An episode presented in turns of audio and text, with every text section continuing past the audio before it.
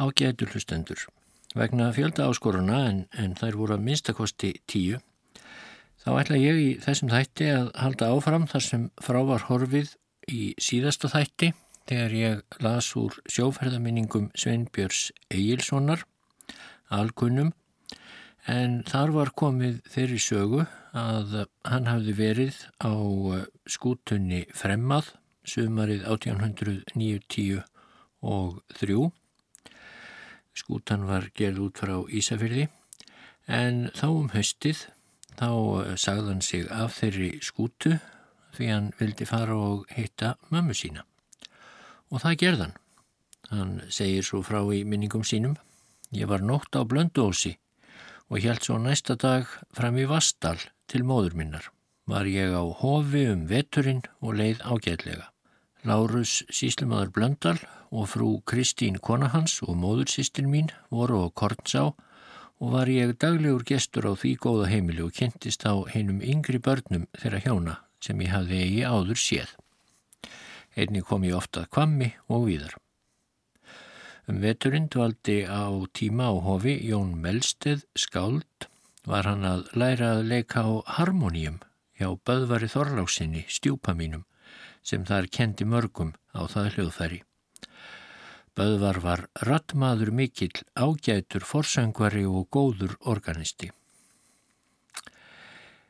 Þar sem ég korki hefi lofað nýja ætlað mér að rita nokkuð um landveru mína yfir leitt, þá skýr ég ekki frá því hvað á dagana dreif þennan vetur að öðru en því að með fyrstu postferð eftir nýjár fekk ég bref frá prófastinum síra Þórarni Böðvarsinni í Görðum. Hann bað mig ef ég væri ekki annar staðar ráðin að koma til sín um vorið í april og vera stýrimaður á Svenn sem var jakt keift frá Danmörku árið 1882. Ágúst skipstjóri Flíganring hafði verið formaður á Svenn þar til hann og fleiri keiftu kúter Himalaya. Fleiri skipstjórar þar á meðal Ólafur B. Vóge höfðu verið á Svenn og muni ég rétt var Finnur Gíslason skipstjóri hans þegar þeir fundu kval á reki sem skorinn var upp í fjörunni millir Dísja og Bala í Garðakverfi sumarið 1883 og var vist mikið um dýrðir á Dísjatúni þá nótt sem skorið var svo að í annála var fært að vísu bara munlega. Nú var skipið, Svenn, orðið gamalt og ítla sjófært en síra þórarinn trúði á gæði þess og vildi enn halda Svenn úti. Þennan vetur láðað við skipóli í kvaleirartjörn rétt fyrir innan ósin. Ég fór söður með Hannesi Post og hans, síni hans, síðast í mars. Lögðum við upp frá Grímstungu og hafðum rutta veður alla leið. Í Norðurárdal gist ég í Kvassafelli og voru veikindi mikil á bænum. Feðgarnir fóru á annan bæ og gistu þar um nóttina. Það fyrsta sem ég frétti er söður kom var að frú Þórun, kona síra Þórarins, væri dáin. Hún hafði dáið 13. mars. En eftir ég hefði hilsað heima hjá föður mínum, fór ég að görðum, var fólk þar dapurt í bræði eftir lát hinnar ágætu húsmóður. Prófasturinn tók mér þó vel og byrjuðum við að tala um útgerð skipsins. Ég átti að halda til í görðum. Það var búið að semja við skipasmið um viðgerð, var það Guðlaugur Torfason í Reykjavík. En ég átti að vera honum til aðstóðar, sækja efni og útvega það hjá Gunnlaugi Vestlunarstjóra Brím í Hafnarfeyriði. Fáum dögum eftir ég komað görðum var Guðlaugur sóttur vorum við gerðir út frá görðum til viku og átti ég að vera þar um helgar meðan á viðgerðinni stóð en Guðlaugur fór heim til Reykjavíkur. Hefði hann ekki verið eins góður félagi og hann var, þá hefði lífið söður í tjörn verið óþólandi. Skipið sem við áttum að halda til í á nóttum var flóðlegt, tæmtist á fjörum en var hálfullt af sjó þegar flóð var. Fyrstu mótnana sem við vorum þarna urðum við að býða eftir því í rúmum okkar að skipið tæmtist svo að við gætum komist þurrum fótum upp úr rúmunum. Láum við þá og döluðum saman um þetta leka hrip og fjallu þá mörg orð sem prófastinum hefði blöskrað að heyra um uppóhalds skipið sitt. Guðlaugur var mest í afkasta maður og gekk vel fram í að þétta skipið og lipnaði yfir okkur þegar hætti að falla að og út í káetunni. Þegar hann var búin að þétta það svo að verandi var í káetunni tók hann að aðtuga innviði og fleira og kom þegar í ljós að skipið var víða fúið og farið að gefa sig. Laugardagskvöldið fyrsta sem ég kom að görðum eftir að viðgerð á Svenn byrjaði þá var ég að gæta mín að ergja ekki prófastinn með því að segja honum sannleikanum það hvernig skipið var á sig komið í raun og veru. En líklega hefðan ekki trúað mér þó ég hefði sagt honum eins og var. Dæin eftir, sunnudaginn 15. apríl, var prestaskólakandidatinn Július Þórðarsson, bróðir Ágústs Flíganring, vigður aðstóðarprestur að görðum og kom næstu daga. Hann var gleðimaður, góður söngmaður og mér var koma hans að görðum kerkomin því þegar ég var þarna á helgum þá sváfum við í sama herbergi og áttum marga ánægju stund. Síðar varð Július Þorðarsson prestur í Svíþjóð en árið 1898 í november þá hitti ég hann í Kristjansandi í Noregi, þar var hann þá á ferðalagi og helt ágættan fyrirlestur um Ísland. En hvað sem því líður við Guðlaugur unnum við Svenn, suður í Kvalirartjörn, þanga til átjánda mæ. Þá var stór streymt og fórum við út úr tjörninni laugardagskvöldið 19. mæ með aðstóð nokkura þeirra gardkverfinga sem á Svenn áttu að vera. Þá var botnin tjargaður og borin á hann nautatólk að fyrirsögn síra þórarins. Allt málað fyrir ofan sjó, reyðin tjargaður og Sven eftir það sæmilegur útlits. Þegar við vorum komnir út úr ósnum, lögðum við skipinu fyrir akkerum og hafnarfyrði, rerum síðan að görðum og tilkynntum að viðgerð væri lokið. Guðlaugur var með okkur og fóru þeir prófastur og hann yfir viðgerðarreikninga um kvöldið en við, sér að Július, vorum saman og töluðum um allt annað efni. Næsta dag reyði ég með Guðlaugi til Reykjavíkur og skilaði honum heim en aldrei hittumst við svo síðar í lífinu að við færum ekki að minnast dagsins þegar við sváfum í Svenn söður í Kvalirartjörn í káetunni hálfullri af sjó. Fyrirkomulag á Svenn átti að vera þannig. Skipstjóri var vinnumadur prófassins sem að vísu var duglegur bátaformaður en alls óvanur á skútu og hafði enga tilsögn fengið í siglingafræði en þá vorum en ekki fást um það. Skipstjórapremju fekk sér að þórarinn. Ég hafði fast kaup átti að annast siglingar, draga fisk og skrámenn á skipið sem þó aldrei komst í framkvæmt. Því hásettar þver neituðu að mönstra og var því ekki um annað að ræða en fara með þá ómönstraða en engin eftirköst urðu út af því en það var lögskráning fiskimanna þá rétt að hefjast. Af vísu hafði ég fengið tvo til að fara til síslumanns með mér til þess að ganga úr skuggum, hvernig það væri að láta lögskar á sig, ætlaðist ég svo til að þeir segðu hínum frá aðtöfninni, svo þeir kæmu einnig.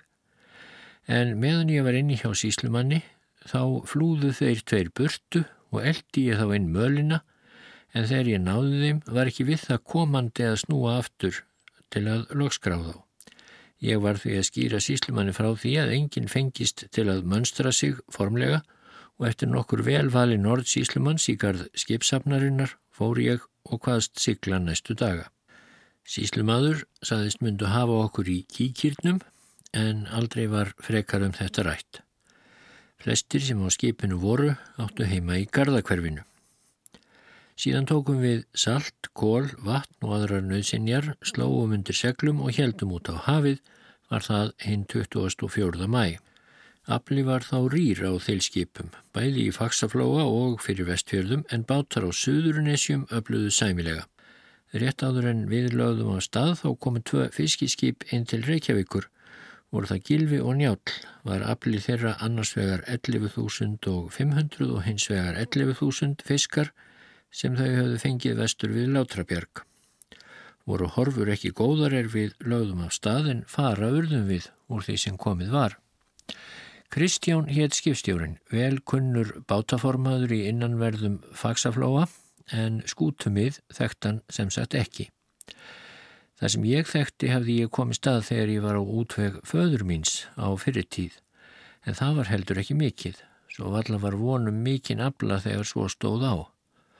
Þó leituðum við í flóanum, fengum þar um 2000 fiska og heldum svo vestur undir jökul. Flestir ásvenn voru úr gardakverfinu, eins og ég sagði áðan, landsetar síra þórarins nema matsveitnin, hann var hafðfyrðingur og eins og flestir þar sem gáfu sig til veiða á skútum afbræðs dráttarmadur. Margir af hásetunum voru óvanir skútulífi, voru farnir að eldast og langt var frá að skipsöfnin gengi í augu, svo sem vegna þess hver snarir menn væru í snúningum á þilfari eða því umlikt. En það gerði svo sem ekki mikið til. Skipstjórin var vinnumadur í görðum, kallarnir úr hverfinu og ég þekkti þá alla og hafði einhver tíman gefið þeim öllum í staupinu, meira og minna, hver gerði eins og honum síndist og svo útfarin var ég orðin á skútu að ég fór ekki að ómaka þá með hreinsun á þilfari eða slíkum óþarfa fyrir ný síðustu lög. Sven var nú þannig gjörður að ómögulegt var að gefa hásettum algjört frí frá þilfarsþótti með því að láta hann gjöra það sjálfan en það var ekki auðið gorki með siglingu nýja á reki í stormi að fá nokkra dropa inn á þilfarið svo nokkur umunaði. Slík skip héttu hér sjóborgir. Hefði ég verið á kúter býst ég við að ég hefði tekið hérna tvo strákústa sem á skipinu voru og læst á niðri því vel mátti á slíkum skipum sæta lægi á siglingu, renna skipinu í sjóin, half fylla þilfarið og reynsaða þannig og búið. Hvað fæðisnerti, þá var það líkt og gjörðist á fiskiskútum þá, það var þó öðruvísi hér en hjá Áskersson á Ísafyrði, þar var hverjum og einum vegið út í búðinni, en fyrir sunnan var vegið út á skipinu sjálfu og var það gjört einu sinn í viku, vegið var út smjör, sikur, brauð, kaffi og kjött, gjörði það stýrimaður og var það ávalt gjört á hans vöku. Kom það nokkuð undir því hvernig stýrimenn voru gjörðir hvort skip og menn töpuðu fiski meðan verið var að afhenda þessi matvæli.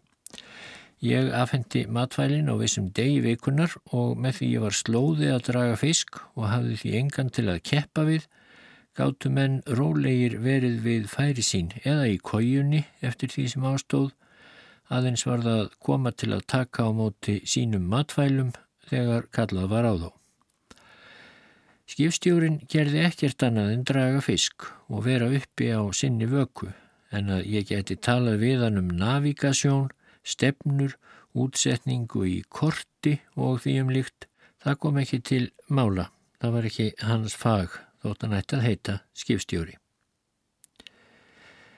Sven var ekki gott fiskiskip að því leiti að hann stóð ítla á sem kallað var. Það er rak svo hratt að færi fóru fljótt úr botni og stóðu langt út frá skipinu og var þetta samiðinlegur galli allra flatbotnaðra skipa en Sven sigildi sæmilega og káettan þótt lítilværi var bara góð. Vistar vera hásetta var lík og í öðrum fiskiskipum, tveir og þrýr í rúmi og eldavél þar. Var ekki greitt aðgöngu fyrir matsvein að útluta rétt hverju fisk stikki sem hásettar letu sjóða þegar einn átti steinbít, annar keilu, þriðji þyrskling og svo framvegis.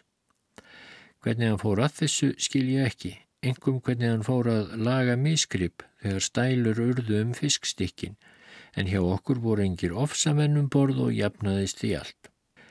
Ég vissi ekki til að nokkur bók væri í skipinu, að tveimur undanteknum voru þær handbók í stýrimannafræði og töflubók. Þær átti ég og með því að ég opnaði þær aldrei meðan ég var á Sven þá geta menn skilið að ekki töfðum við okkur á lestri og hefði það viljað til að hásettar hefðu heimtað á helgi degi að við yfirmenn heldum Guðstjónustu sem þeir eftir því sem ég hafi lært gáttu krafist ef þeim síndist þá var engin bók til að þylja upp úr og þeir hefðu því geta kert okkur Nefn að þeir hefðu tekið það fyrir góða vöru að ég hefði talað við á nokkur velvalin orði í tilumnin dagsins. Því ekki var um að tala að Kristján skipstjóri legði nokkuð til slíkra mála. En til þess kom þó ekki því enginn heimtaði Guðstjónustu. Við flæktumst víða og reyktum í köplum og vorum að þessu til 20. júni. Þá komum við inn. Lögðum afla upp hjá vestlunastjórunum Gunnlaugi Brím, tókum nöðsinjar og var svo umtalað að við færum vesturlandstúr. Ég fór að görðum og fann prófastinn og var hann dauvari en hann var vannur og bar margt til þess. En við heldum síðan út á djúpið. Eftir að við höfum leitað víða í fagsaflóa og lítið orði varir, heldum við vestur undir jökul og komumst þar í fisk en hann hætti brátt að taka. Þó reyndum við þarna víða, en fiskur var tregur hvar sem við leituðum.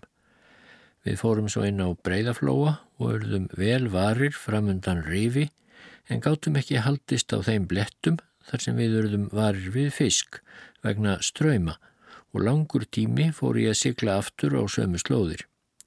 Inni á flóanum var fiskur fremur smár og vegna ókunnuleika allra þá vildi ég ekki ekki að skipstjóran á að fara langt inn flóan. Sven var nú farin að leka svo að dæla varð hverja vöku og þó höfðum við enga stormafengið sem áan höfðu reyndað nokkru ráði. Við komumst út á röst og fiskuðum þar sæmilega en sjór var þar stundum úvinn þótt veður væru fremur stilt og virtist mér lekin ágerast en ekki þó til skada en þá. Meðan við vorum úti á röstinni bar það við eitt morgun er hægur vestankaldi var að við sáum skip koma úr hafi og nálgast okkur. Okkur virtist skipið fara mjög hægt í kalda þeim sem var og gískuðum við á að skipið væri með kval í eftirdrægi. Eftir langan tíma fór það fram hjá okkur og hafði á eftir sér siglulaust skip og voru menna á því. Mér minnir að þetta væri Rósamunda og skip það sem hún dró væri sník frá Bíldudal. Það hefði áreikstur orðið með sník og fraknesku fiskiskipi og heyrði ég ymsar sögur um þann áreikstur sem ég skýri ekki frá hér. En maðurinn var á skipinu, Stengrimur Guðmundsson frá Garðhúsum í Garðakverfi. Hann var vanur að vekja mig þegar ég átt að fara á þilfar. Hann var þá um færtugt, gamal kunningi minn og mesti heiður smaður. Nóttina eftir að þessi tvö áðurnemdu skip fóru fram hjá okkur þá kom hann að vanda að vekja mig klukkan tólf. En í þetta sinn náðan ekki að ræsa mig og sagði skipsöfn ástæðu þess og mér um morgunin. Að vanda kom hann niður og ætlaði að hrista mig eins og hann var vannur því ég sefaði jafnaði fast en þegar hann var komin inn úr dyrunum þá sá hann unga stúlku standa við rúmitt og hafði hún lagt hendina á stokkin. Hann þorði ekki að fara lengra, heldur hvaðst hafa kallað tvísvar til mín og þá hefði stúlkan litið á sig og líst hann henni fyrir mér og eftir lýsingu hans að dæma hefur hún verið mjög fríð. En ég fekk því að sofa áfram fram eftir vökunni því stengrimur snaraði sér í skyndi upp á þilfar og reyndi ekki meira að vekja mig. Hvernig sem þessu hefur verið varið, þá fekk ég ekki stengrím til að vekja mig oftar. Það gerðu aðrir. Í mínu ungdæmi var það talið bara sjálfsagt að einhver yfirnáttúruleg vera fylgdi hverju skipi og hér almennt nefnd nissi og eins og nafnið bendir á þá er það sama á danska orðið nisse. Kallkins hér og flestir sem séð höfðu þessa veru töldu hann að vera strák. Stengrimur saði félagunum frammi að strákur væri til dæmis áraðanlega í örninni, einn hefði verið um borð í Otto, einn í Klarínu og einn ef ekki tveir í Suttjes. Einnig vissan fyrir víst að Ágúst Flíganring, sem áður var skipstjóri á Svenn, hefði oft séð Nissan og ekki vissan fyrir nú að Nissin væri ung stúlka, en þetta gatt vel verið á Svenn sem var smíðaður úr gamalli kirkju að þér sagt var og gæti hugsast að hér væri einhver ógæfusum stúlka á ferðinni sem hefði verið jarðsungin úr kirkjunni og fyllt spítunum sem skipið var smíðað úr. Hið sama kvöld þá tók að kvessa vestri og varð útlýtt ljótt þóttum hásuðmar væri. Við Kristján skipstjóri töluðum saman um hvort ekki veri rétt að halda til Patræksfjörðar, taka þar vatn og gjöra síðan prófastinum aðvartum leka skipsins sem okkur leisti ekki á, skildi hann ágerast. Hagrættum við síðan seglum og stemdum til Patræksfjörðar með liðugum vindi. Stormur var komin þegar við fórum fyrir blakkin og sjór mjög úvinn. Ströymur var og komið upp á grunnan sjó. Á reys bára og undan henni komst skipið ekki, svo dögði. Bátur okkar var festur undir hekkbjálkum aftast á skipinu og varð hann hálfur af sjó og þegar skipið slefti bárunni fann ég greinilega að eitthvað létt undan í því en hvað og hvar gæti ég ekki umdæmt á þeirri stundu. En mig grunaði að þetta væri róthöggið. Að trénálar þær sem Valdimar Norski, vinnumadur föður míns, hefði rekið um allan botn skipsins fyrir þremur árum hefðu brotnað. Það fyrsta sem við gerðum var að rannsaka hvort meiri leki væri komin að skipinu og reyndist svo að vera. Við heldum þó inn að vatneiri og vörpuðum þar akkerum. Við byrjuðum þegar að móka til saltinu til þess að aðtuga hvort sjór hefði komist í saltið og brættað. Það vísu reyndust skemdir á því ekki miklar en nóar til að gera eiganda aðvart og byggði hann um að segja vilja sinn um ráðstöfun skipsins og aflans reyndist svo að lekin heldi áfram. Ég skrifaði því prófasti og let skýrslu um ferðina fylgja og bað hann að senda svar sitt til Patrísfjörðar þar sem við myndum reyna að nálgast að síðar er við ættum vona á að ferð fjalli.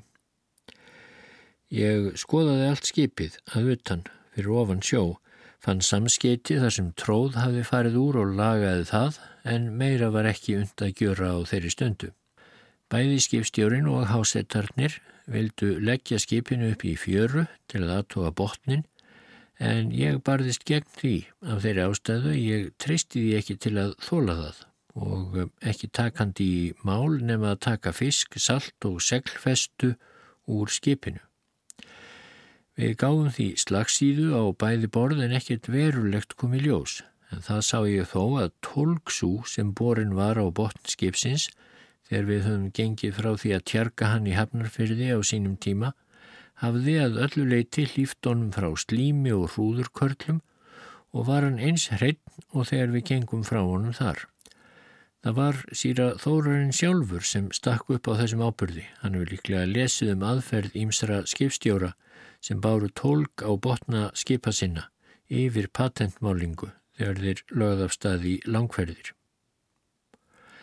Við fórum á land í Patrísfyrði og var þar að vanda gleðskapur mikill, þótt fá skip væri í höfn, bara mest á færingum sem stígu þjóðdansinn úti á túnni. Fæstir þeirra sem voru á Svenn höfðu komið til Vesturlandsins og var því sjálfsagt að allir gengi á land bæði til að rétta úr sér og til að litast um. Peninga höfðu menn ekki handa á milli en einhvern veginn náðu menn í áfengi sem þó varð kvorki til tafar nýja óþæginda. Ég bað kaupmann Sigur Backmann að veita fiskinum móttöku, færi svo að við erum að koma aftur vegna leka og lofaðan því. Við Kristján töluðum lengi saman um hvað gjöra skildi, engan höfðum við síma og því var ekki auðið að ná sambandi við þann sem mestu réði í þessu máli. Eigandin, prófasturinn, hafði tröll að trúa þessu skipi og gætti þess ekki að það var orðið gamalt og ef satt skal segja, þorði ég ekki að segja honum hvernig okkur Guðlaugi torfa síni leist á Svenn sem skip þegar við vorum að gera við það. Guðlaugur gat þess einu sinni svo ég heyrði við síra þórarinn að Svenn væri í verra ástandi en hann hefði haldið en hann vildi alls ekki heyra það og um þetta var eigi síðar talað og síst vildi ég því vekja máls á þessu.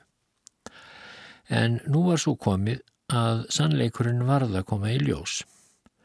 Ég hafði látið brefið á posthús en þanga til svarkæmi urðum við að gera húsbónda okkar og hásettum það gagn sem við gátum best en það gerðum við með því að leggja þrátt fyrir allt aftur út á djúpið og reyna að fá fisk meðan við gátum haldið saltinu þurru.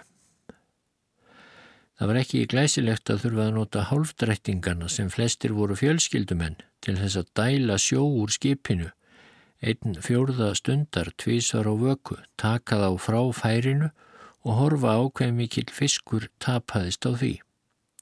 Skipaskoðunarmenn voru ekki til eins og nú á tímum og því var ekki auðið að láta þá taka af skarið og ekkit víst hvort sér að þórarinn hefði tekið það gilt þótt einhverjir smíðir vestur á landi hefðu dæmt skipið ósjófært en það mátti oft sjá frá görðum í kíki að menn stóðu við dælur á sömum döllunum þegar verið var að slaga þeim inn hafnarfjörð í landsinningsstormum. Dælu jáfnvel aldrei sleft á sömum og þótti ekkert ónáttúrulegt. Þau flutu, því skildi þá Svenn ekki geta flotið eins, þótt endurum og sinnum þurfti að taka í pömpu.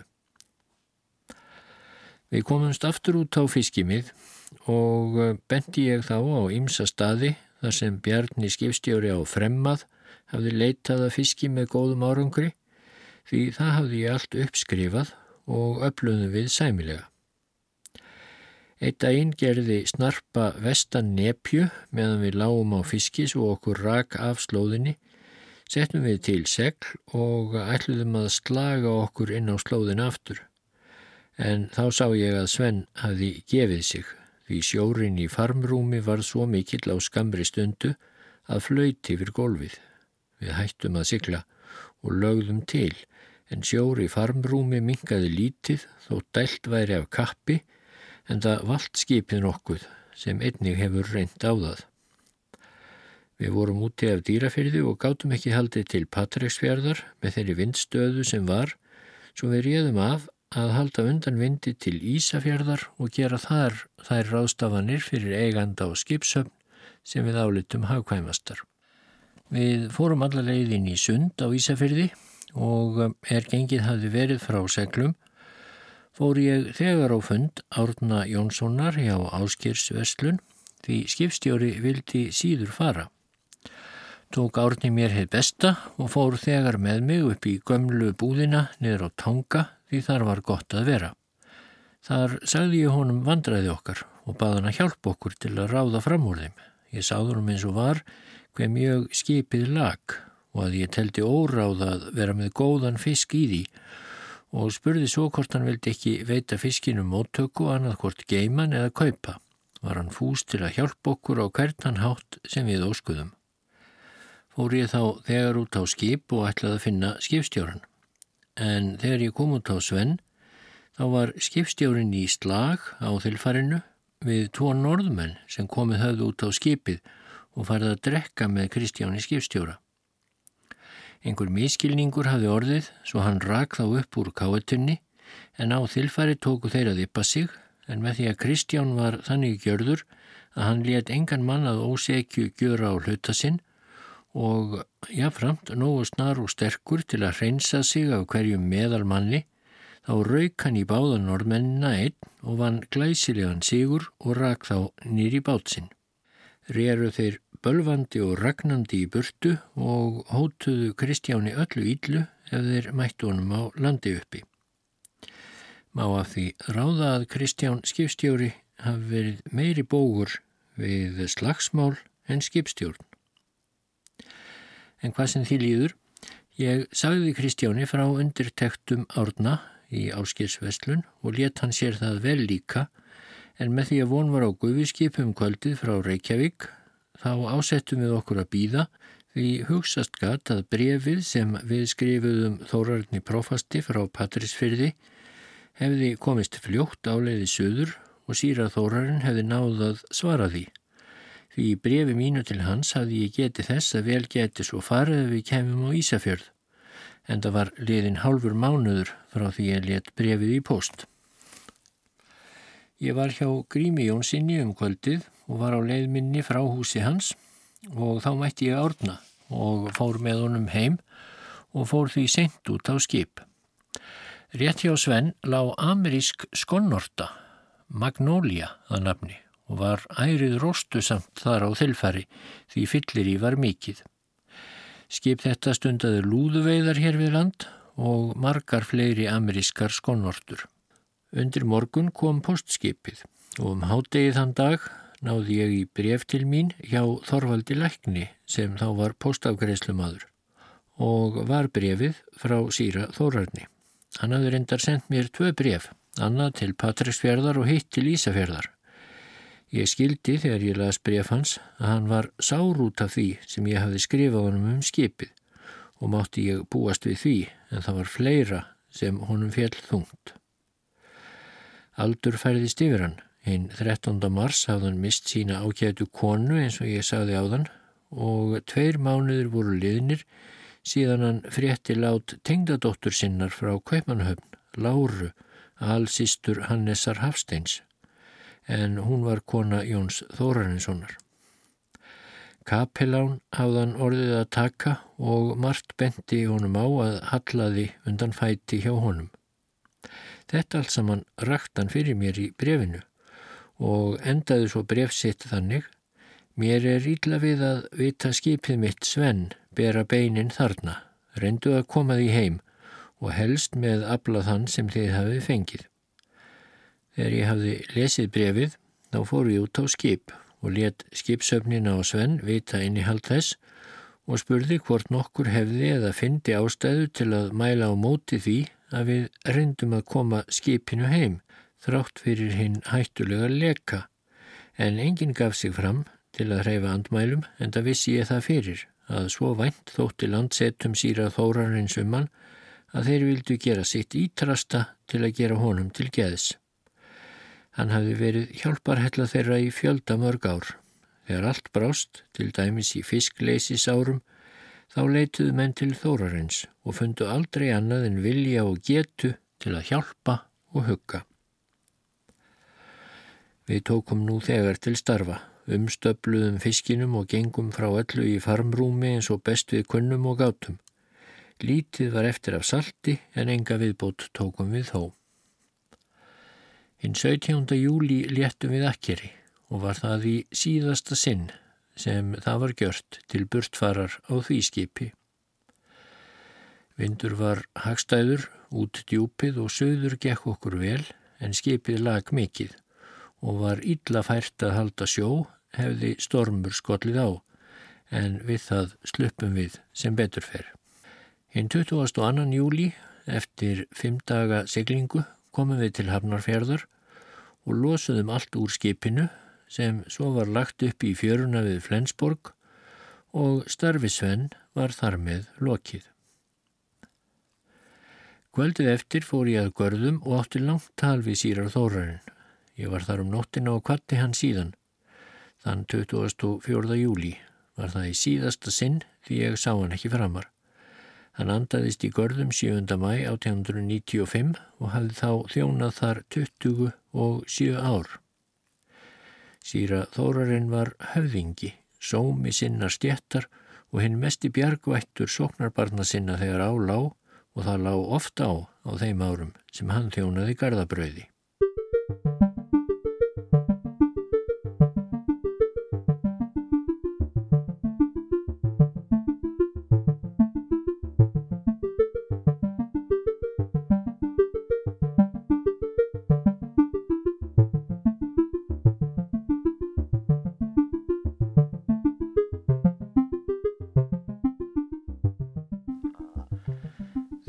Kom fram á vorið 1896 ásetti ég mér að fara aftur á flott. Ég held til Ísafjörðar og ætlaði að finna árna veslunastjóra Jónsson einaferðin enn. Ég tók mér far með Láru, postskipinu, og kom þangað 17. mæ. Þar var allt við það sama á þegar ég fóruðaðan, nóg vinna og flestar skútur á sjó.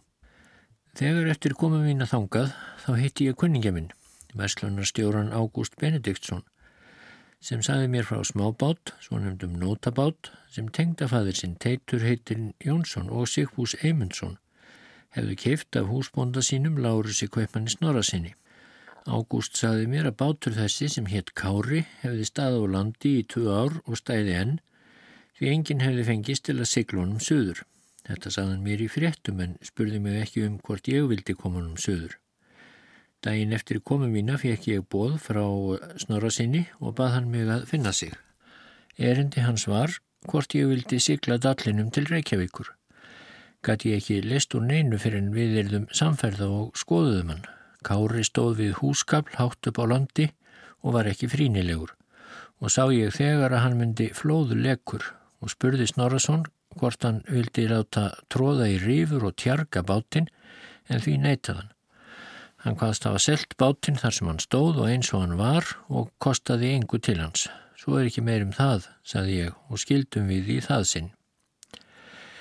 Dægin eftir kom hann til mín og myndi mig á fyrir þrema árum hefði ég silt skipi þar segja fremmað fyrir Áskilsson frá Kaupmannhöfn til Ísafjörðar með öðru manni í aprilmánuði. Nú væri sumar og bjartar nætur. Ég let hann vita að Kári og fremmað væru ólík skip en ég skildi flytja Kára söður einn. Upp á þau kjör sem hann bauð mér, akkord, gæti ég ekki ráðið mannum há bjargræðistíman, fætt hann og goldið honum kaup, séðum hann í Reykjavík og komið honum aftur vestur.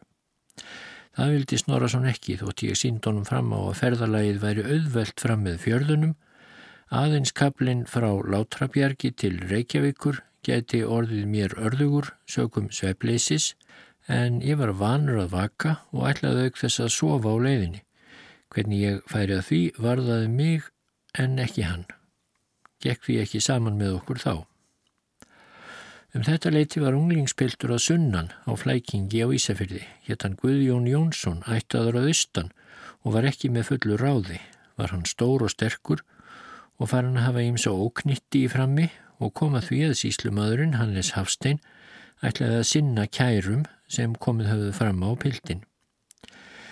Eitt dag mætti ég Guðjóni og spurðan hvað hann væri að starfa. Saðan mér þá að hann vildi helst komast söður.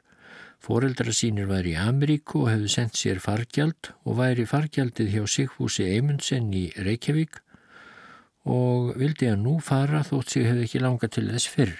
Hann saðist hafa verið á skipi Magnúsar Blöndal í Hafnarfyrði og einnig hjá Geir Sóeka Einnig sagðan mér að hann hefði verið kerður fyrir Hafstein síslumanni og vissi ekkert hvað gjöra skildi. Ég spurðan þá hvort hann vildi koma með mér ef ég færi og vildan það. Eftir það hafði ég lítinn frið fyrir piltinum. Var nú sjódælt úr kára og báturinn sæmilega þjettur. Ég flutt hann að bryggju og tók nokkra výrbúta, gamla opna, þrjá fjóra kassa og gamlan dívan sem Teitur Jónsson átti. Mart fleira átti ég að taka en þver neytaði því.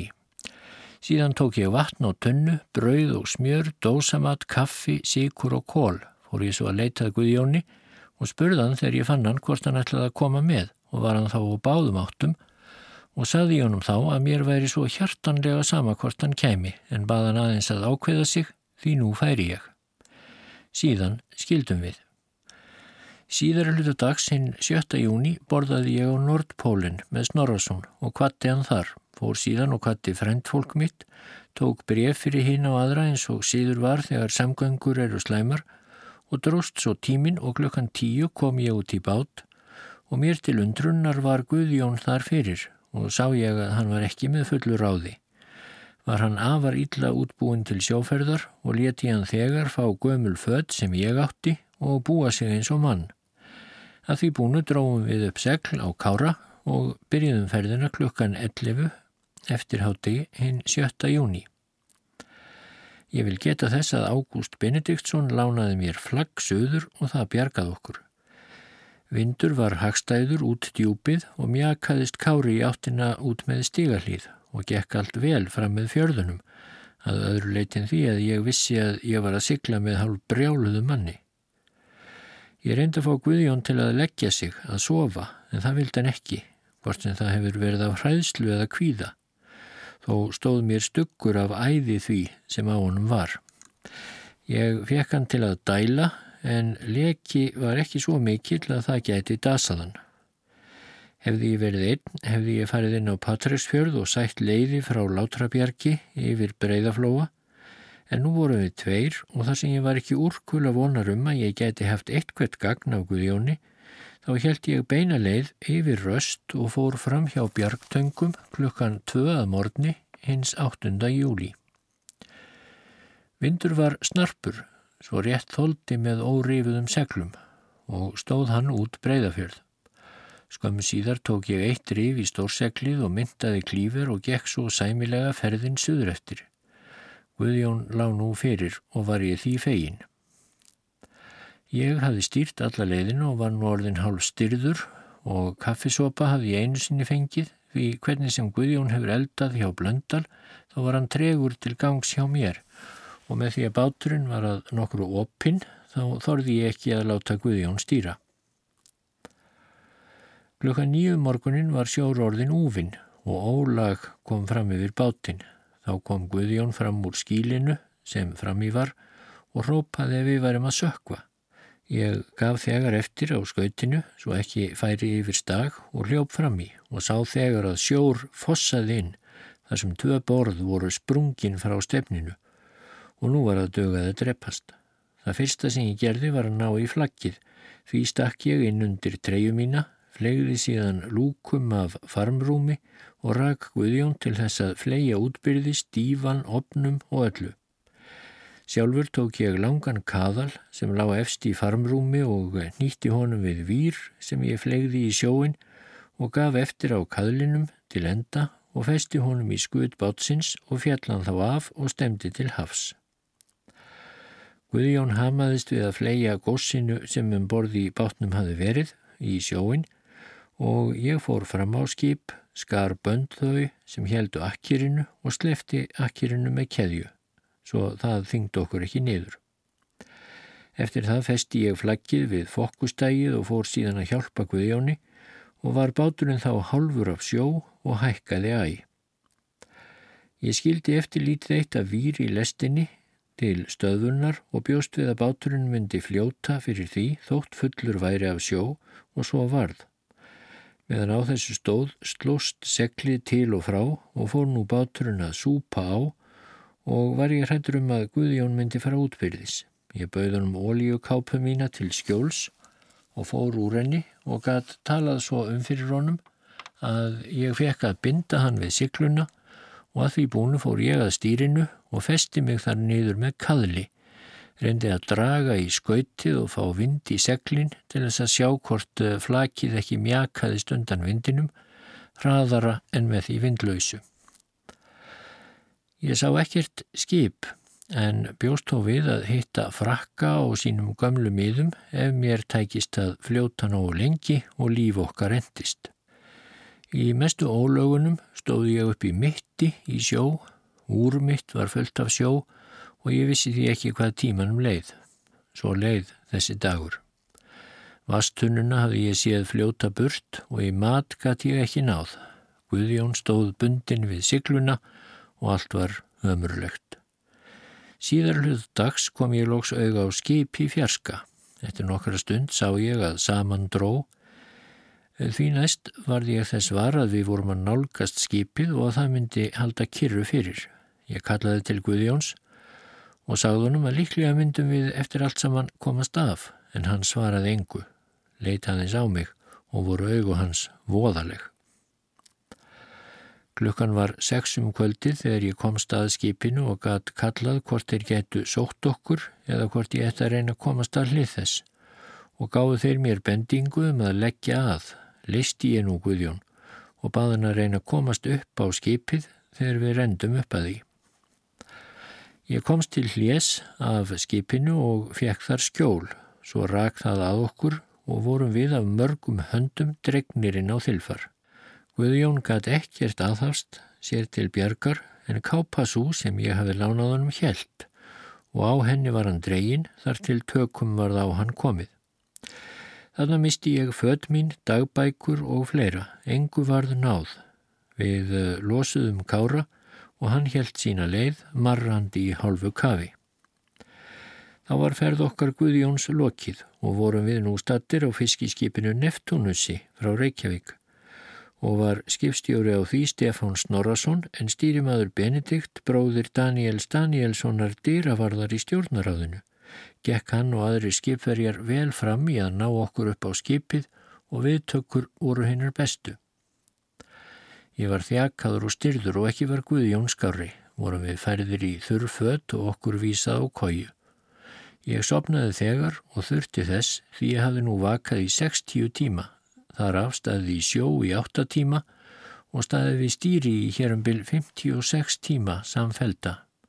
Það var laung rörtörn. Klukkan 12 um nóttina vaknaði ég og var þegar borin heitur matur og leið mér þá príðilega. Síðan held ég áfram að sofa. Neptunus var á siglingu langt í hlýja af okkur en af hendingu hafðu skipsmenn séð flaggið sem á fokkustægi okkar var og höluðu þeir þá niður og byðu og ætluðu mér að komast til sín. Við allir sem þekktu túnagamla vissu að að vísum átti slaga á honum en hann varð að hafa tíman fyrir sér þar sem hann var í sinni tíð annálaður sem mesti sleði landsins.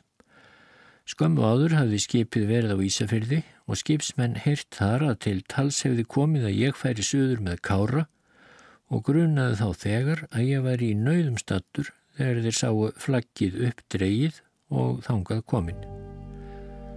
Um kvöldið 20. júni vörpuðum við akkeri á Reykjavíkur höfn og ferðin var á enda.